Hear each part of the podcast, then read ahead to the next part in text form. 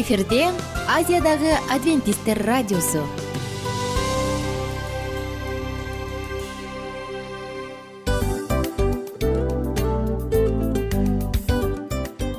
Достор салют.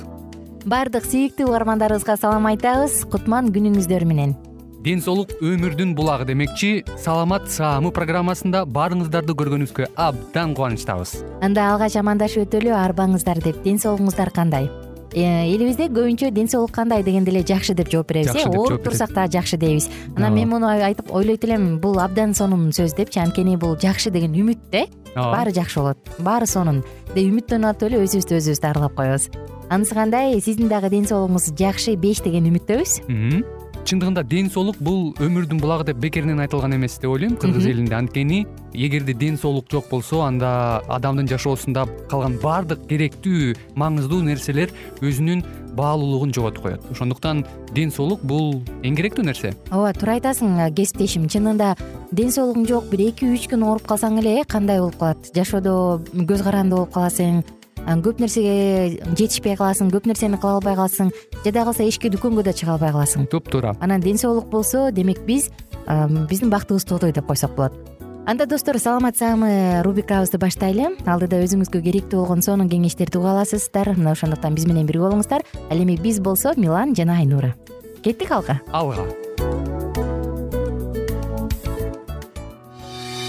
саламат саама ден соолуктун жарчысы. Саламат саама ден соолуктун ачкычы. Күн сайын сиз үчүн мыкты кеңештер сонун жаңылыктар кызыктуу фактылар биздин рубрикада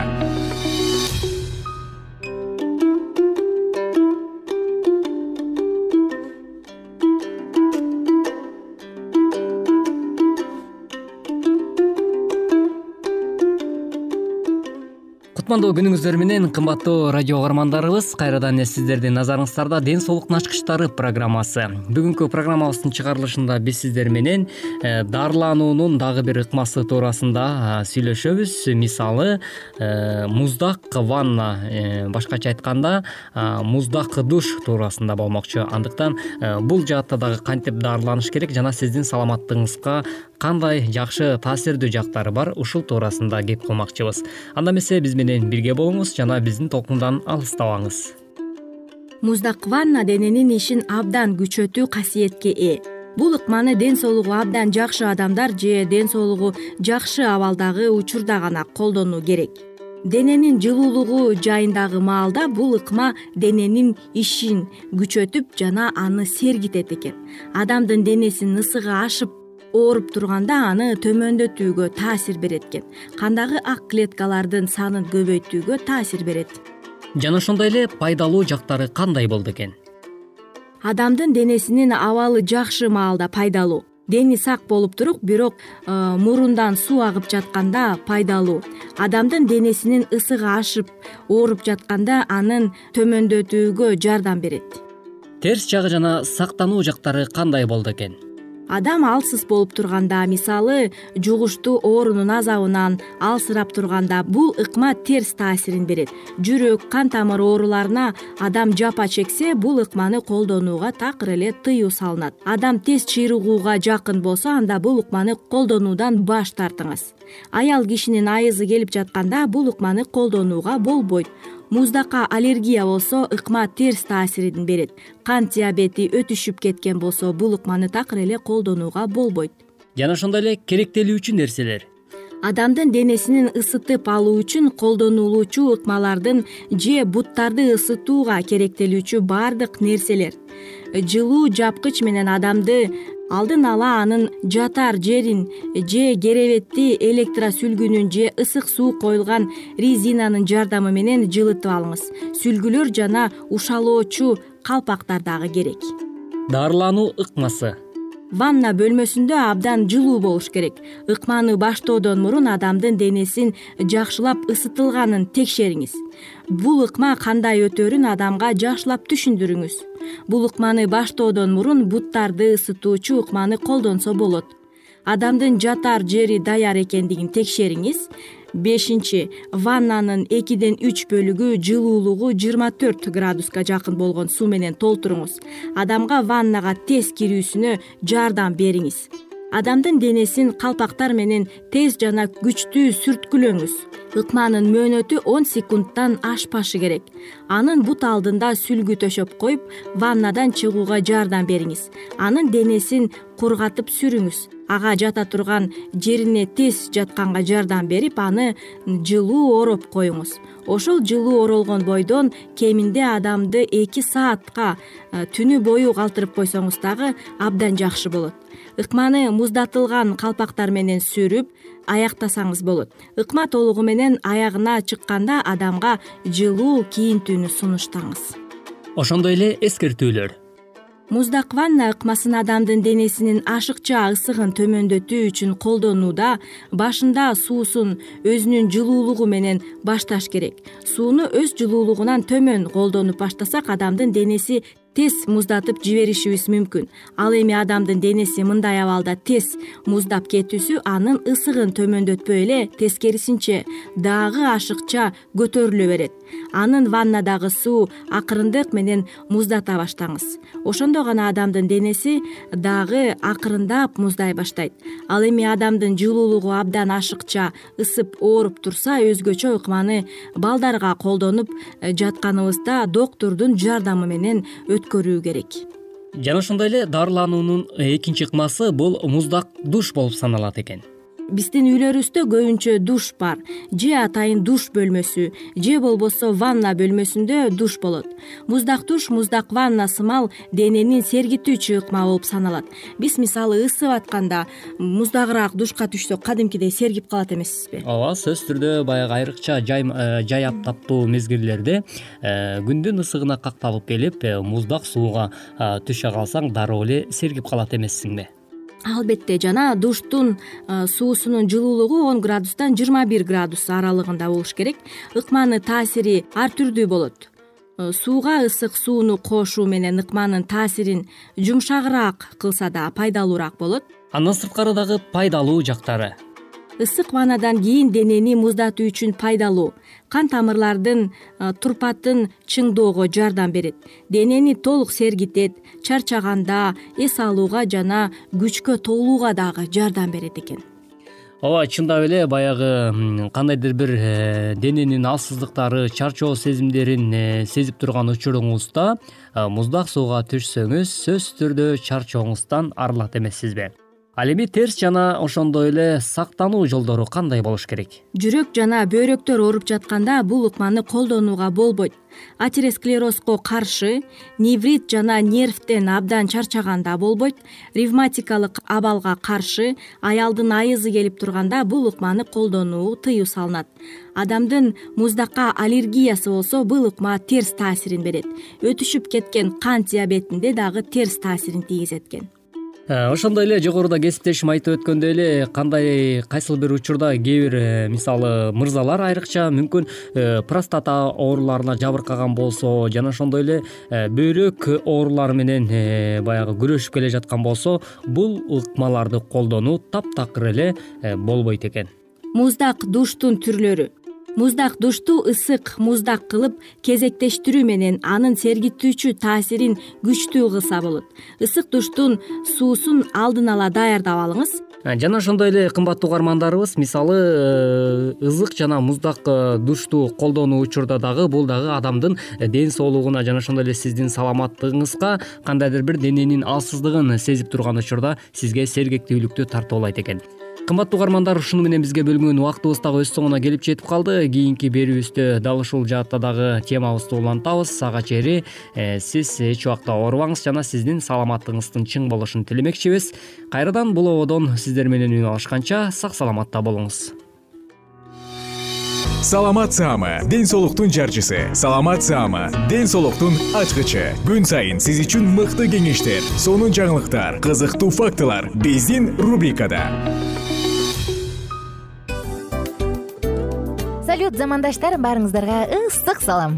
Дил маек программабызга кош келиңиздер. Дил маек рубрикасы дегенде эле бул эмне болгон дил маек? Ким менен маектешебиз деп сурайт болуш керек угармандарыбыз. Бул рубриканы кыскача тааныштыра кете турган болсок ар тарап кесип ээлеринен болгон сонун интервью кеңештер бар. Жылдыздар менен болгон маек бар. Аталарыбыздын агаларыбыздын чоң аталарыбыздан сонун кеңештер бар. Ошондой эле эже сиңдилердин кеңештери бар. Айтор баардык кызыктардын баары алдыда негизи эле адам баласы бир кимдир бирөөнө ишенип сырын ачкысы келет эмеспи э мындай баарлашууга жакын келебиз го? Албетте. Негизи бир жерге отуруп алып кенен шашпай баягы жүрөктөн жүрөккө ачып сырларыбызды ар кандай көйгөйлөрүбүз менен бөлүшүп баягы чын жүрөктөн маек курганды кимибиз сүйбөйбүз э? Ооба десең ал нерсеге суусап да келебиз да. Ооба кээ бирде адамга чындыгында баягы э, ысык маек баягы жылуу маек жетишпейт да. Ошондуктан биз ушул рубриканы ойлоп тапканыбызда эң биринчи эле достор сиздер менен чын жүрөктөн бир маңыздуу темаларды козгоп кеткени э, кааладык. Ошондуктан ушундай сонун бир рубриканы тартуулап жатабыз. Анын үстүнө радио дагы сонун дос да анткени э, мындай учурда досуңа айтсаң досуң досуна айтат досу досуна айтат да анан. Бүт өлкө билип калышы мүмкүн го. А радио болсо сени сатпаган сенин айыбыңды ачпаган сенин сырыңды эч кимге айтпаган сонун досуң ошондуктан биздин алдыдагы айта турган кеңештерибизди биздин досторубуздун кеңештерин угуп анан ал жака пикириңизди дагы калтырып кайрадан биз менен байланышсаңыздар болот. Деги эле жашооңузга эгерде кичине болсо дагы өзгөрүү алып моралдык жактан моралдык жактан сонун бир кеңештерди алсаңыз демек биз максатыбызга жеттик. Ооба чыңгыз атабыз улуу жазуучу э, чыңгыз айтматов айткандай адам болуу бул күнүмдүк процесс экен. Күн сайын адам бойдон калуу бул адамзатка эң эле кыйын дейт э? э эң кыйын дейт. Чындыгында бунун э, негизинде адамдын эң баягы сапаттуулугу адамдын э, адамгерчилиги жана көптөгөн керектүү нерселер мына ошол темалар дагы бизде ушул дил маекте биз аларды да козгойбуз. Ден соолук жөнүндө да сүйлөшөбүз. Сөзсүз түрдө. Анан милан мырза негизи айтып коюшат го? Биз көбүнчө эмнени ойлонсок ошол нерсеге карата иш кылабыз го? Ооба. Анан анысы кандай? Балким бул радио баракчада кимдир бирөөнүн оюн текшергенге жардам берет кимдир бирөөнүн жүрөгүн текшергенге жардам берет балким кимдир бирөөгө жашоонун маңызын тапканга жардам берет айтор кызыктын баары алдыда бул жөн гана кыскача жарнама анда угармандарыбыздын баардыгын кийинки рубрикабызга чакырабыз. Ал эми кызматта маңдайымда отурган кесиптешим милан жана мен айнура. Анда эмесе биз даярдаган терең терең ойлор менен таанышууга кеттик. Алыс алыс баралык.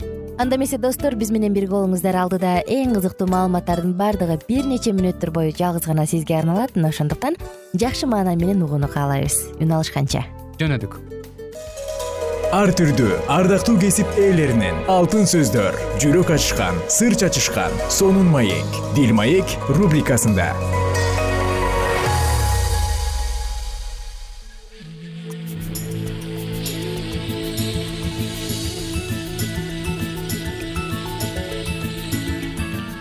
саламатсыздарбы кымбаттуу радио угуучулар кайрадан эле силердин назарыңарда кыргызстанга саякат аттуу программабызда кездешип жатканыбызга өтө кубанычтабыз. Бүгүнкү программабыздын чыгарылышында кыргызстандын дагы бир ажайып кереметтүү жайларынын бири болгон сары челек туурасында болмокчу.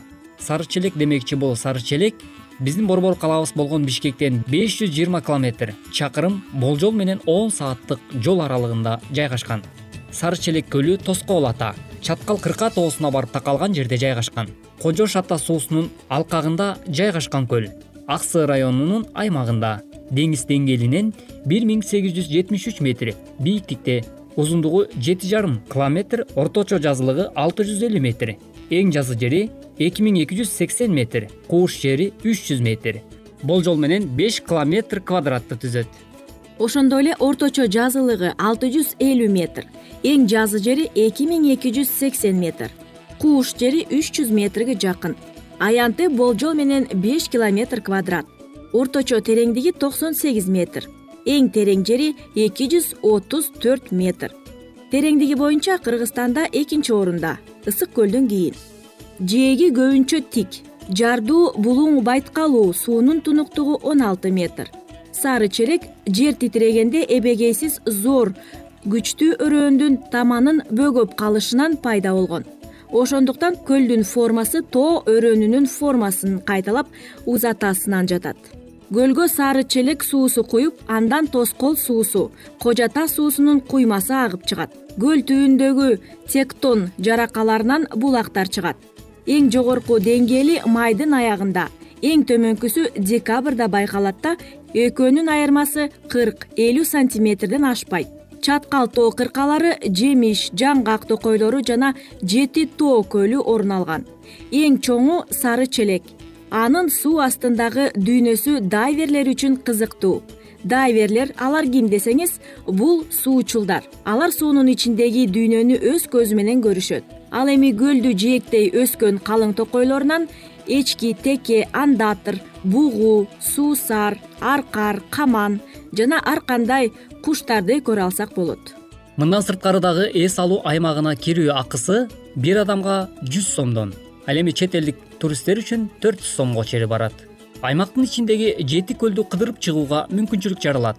Андан сырткары азык түлүгүңүздү дагы ала барсаңыз атайын ашпозчулар тамак аш жасап бере турчу дагы жайлары бар сары челек көлү өтө бийик тоодогу өтө кооз болуп саналган көлдөрдүн бири.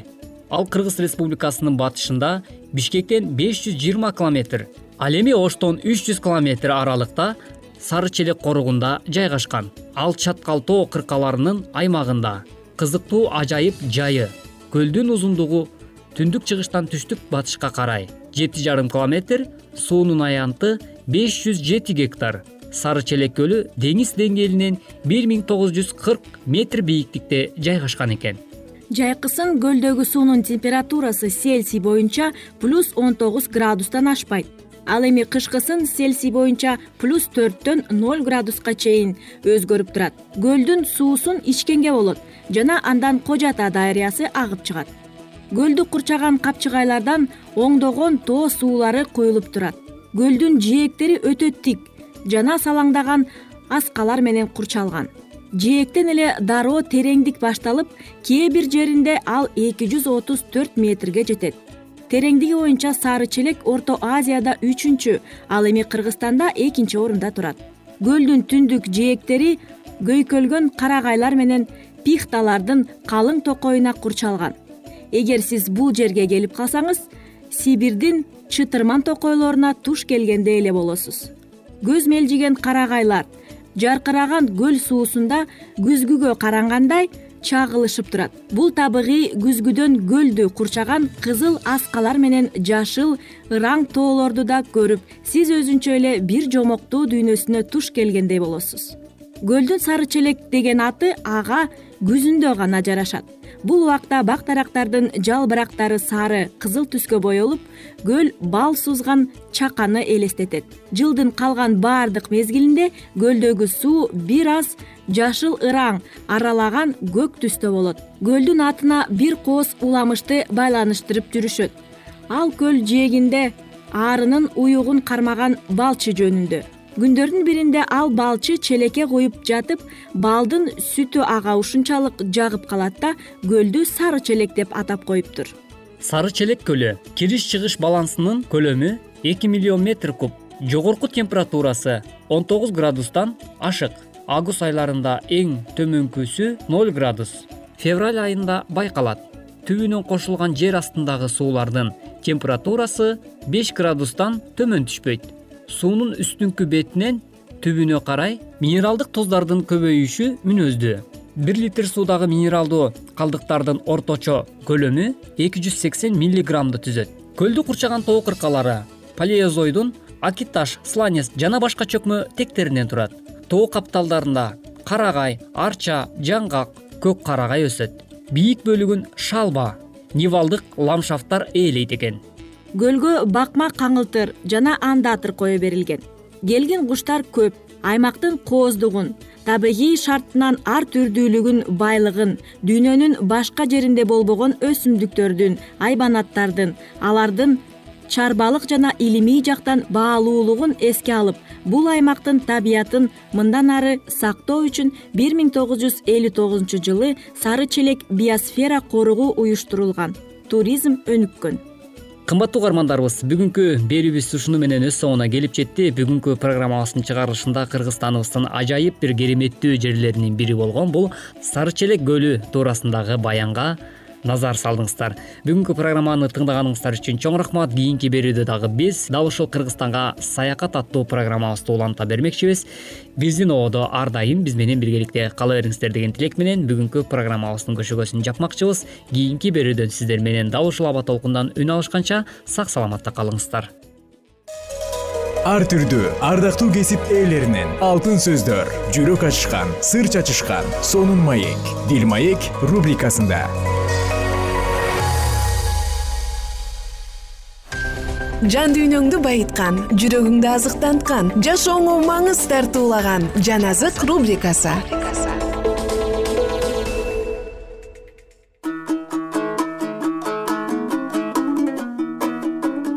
Арыбаңыздар кадырлуу замандаштар. Арыбаңыздар кадырлуу кыргыз элим ала тоону аркалаган жалпы элибиз. Сиздер менен кайрадан улуу күрөш китебин улантабыз бул кыймыл деңиздин чоң толкуну сыяктанып өлкөнүн баарына жайылып кетти. Кабар шаардан шаарга кыштактардан кыштактарга өлкөнүн бардык булуң бурчуңуна чейин кудай эли теңирди күтүү үчүн ойгонгончо таратыла берген. Ушул жарыктын күчүнүн алдында фанатизмдин көрүнгөн жарыктары күн чыгаардын алдында таңкы өшүк таратылган сыяктанып таратылып жок болгон күмөн саноо жана билбестиктер жоготулуп үмүт жана эр жүрөктүүлүк адамдардын жан дүйнөсүндө орун алган. Адамдарды кармап туруучу кудай рухунун жана сөзүнүн таасиринин жоктугунан пайда болуучу түшүнбөстүктөрдөн качып кутула турууга мүмкүндүк болду. Байыркы мезгилдеги кудайдын айыпты ачкан кулдарынын аркасында израиль эли баштарынан өткөргөн жандануулар сыяктуу бардык нерселер ошол мезгилдерди ойго салгандай сезилет. Бул бардык мезгилдеги кудайдын иштерине мүнөздүү. Эч ким иштеринен кытмыр күлө алышкан жок.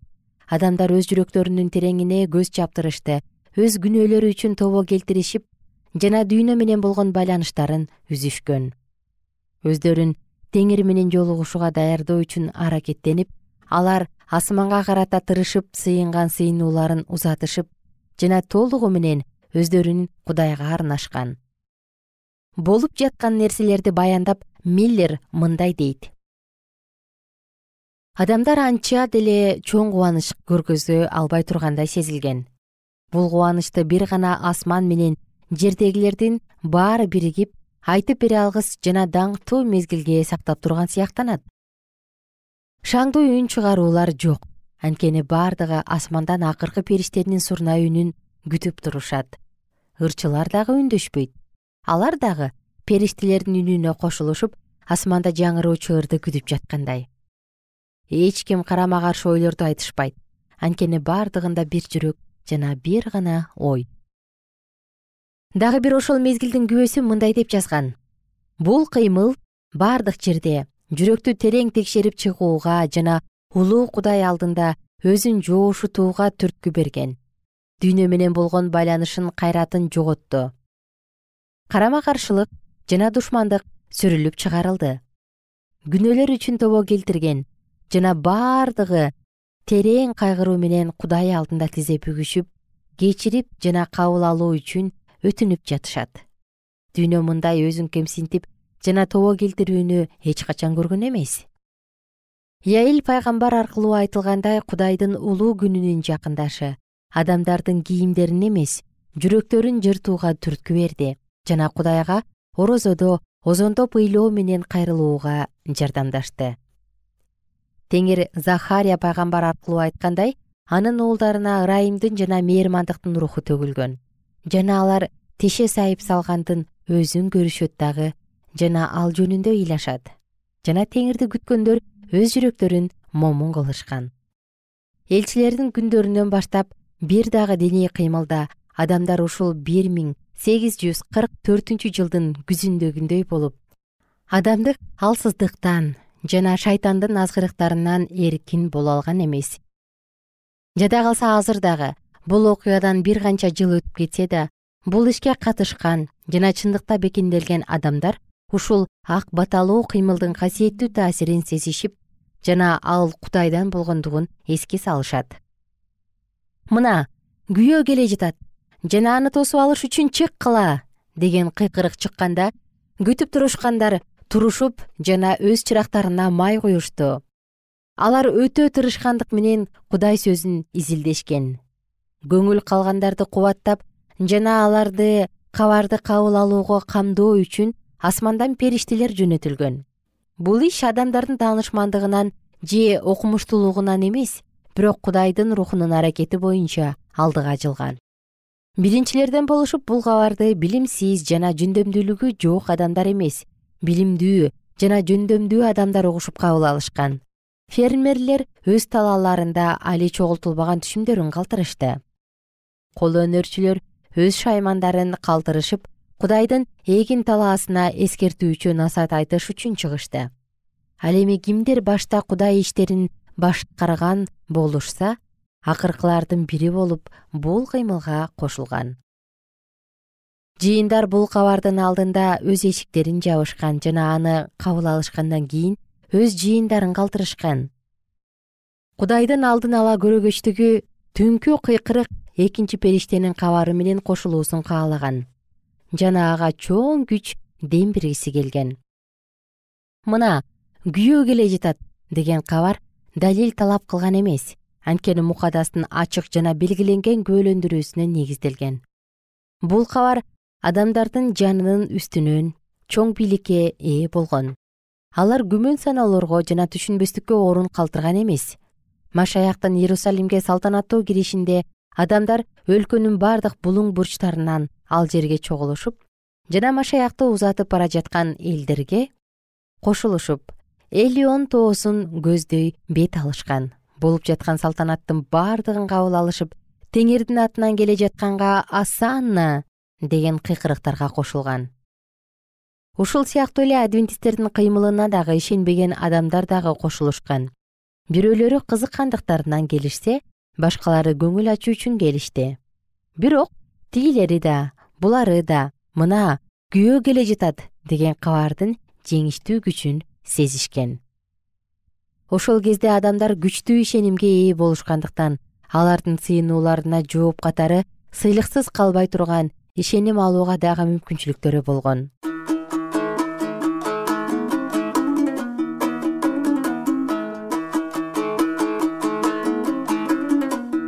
ардактуу угарманым сиздер менен бүгүн дагы улуу күрөш китебинен үзүндү окуп кеткенге мүмкүнчүлүк болду. Баардык угармандарыбызга ийгиликтүү күн баталуу жашоо каалайбыз ар бир жашооңуз ар бир көз ирмемиңиз ар бир учуруңуз бакытка толсун сиздер менен кайрадан кийинки уктуруудан амандашканча сак саламатта калыңыздар күнүңүздөр көңүлдүү улансын бар болуңуздар жана бай болуңуздар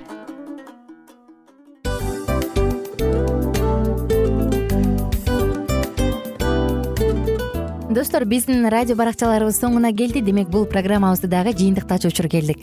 Учурга келдик. Анан кесиптешимден сурагым келип турат. Негизи эле иштин башталып атканы кубандырабы сени же жыйынтыгы кубандырабы албетте жыйынтыгы. Себеп дегенде сен кылган ишиңдин жыйынтыгын көрүп э, баягы мөмөсүн көрүп дегендей жыргайсың жүрөгүң жемишинен тартып э? Кандай даамдуу деп. Баягы буудай сепкенде эмес буудай эгинди жыйнагандан кийин ысык нанды жегенде кадимкидей ырахаттанасың го. Ой айтпа туура айта кеттиң сонун салыштыруу болду анан мен дагы абдан кубанып турам. Анткени биз угармандарыбыз үчүн аябай эмгектенип келген уктуруубуздун соңуна келип калдык. Анан эми э, уктуруубуздун соңунда угармандар кандай пайда алып калды экен деп күтүп турам да. Балким э, менин жашоомо өзгөрүү киргизе турган сонун сөздөр болду. Мен ушул нерсени изилдеп анан кабыл албасам ушул нерсени кылбасам деген чечим чыгарсаңыз анда биз абдан кубанычтабыз. Сөзсүз түрдө андыктан кийинки биздин кызыктуу уктурууларыбыздан көрүшкөнчө сак саламатта калыңыздар. Чыдамсыздык менен сиздерди мен милан жана кесиптешим айнура күтөбүз баардык угармандарыбызга ийгиликтүү күн каалайбыз. Качан гана болбосун уртуңуздан жылмаюу кетпесин үйүңүздө көмүр жүрөгүңүздө көңүл болсун дейли